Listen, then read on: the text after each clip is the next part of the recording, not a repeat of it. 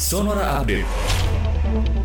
Sahabat Sonora rencana mengalokasikan 1.750 triliun untuk membeli alat luar negeri dinilai akan memberatkan. Pemerintah masih perlu memberikan dampak penting.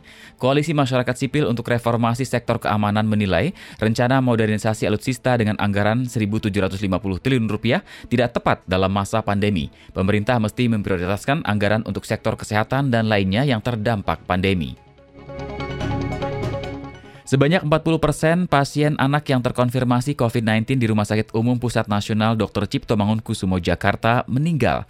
Hal itu hasil eh, penelitian dari tim peneliti RSUPN Dr. Cipto Mangunkusumo dan Fakultas Kedokteran Universitas Indonesia yang dipublikasikan di International Journal of Infectious Disease atau IGID. Selain karena adanya komorbid, tingginya tingkat kematian pada pasien anak ini juga disebabkan lonjakan kasus baru COVID-19 yang tiba-tiba, keterlambatan kedatangan pasien kronis ke rumah sakit, dan kurangnya sumber daya manusia untuk memerangi pandemi di awal.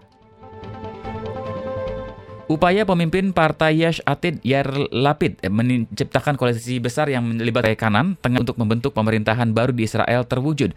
Koalisi ini menciptakan sejarah baru dengan keterlibatan Partai Ra'am, partai dengan basis anggota warga Arab Palestina yang tinggal di wilayah Israel. Bergabungnya Ra'am ke dalam koalisi besar memastikan Lapid mengumpulkan 62 kursi di Knesset dari 61 kursi yang dibutuhkan untuk membentuk pemerintahan baru Israel.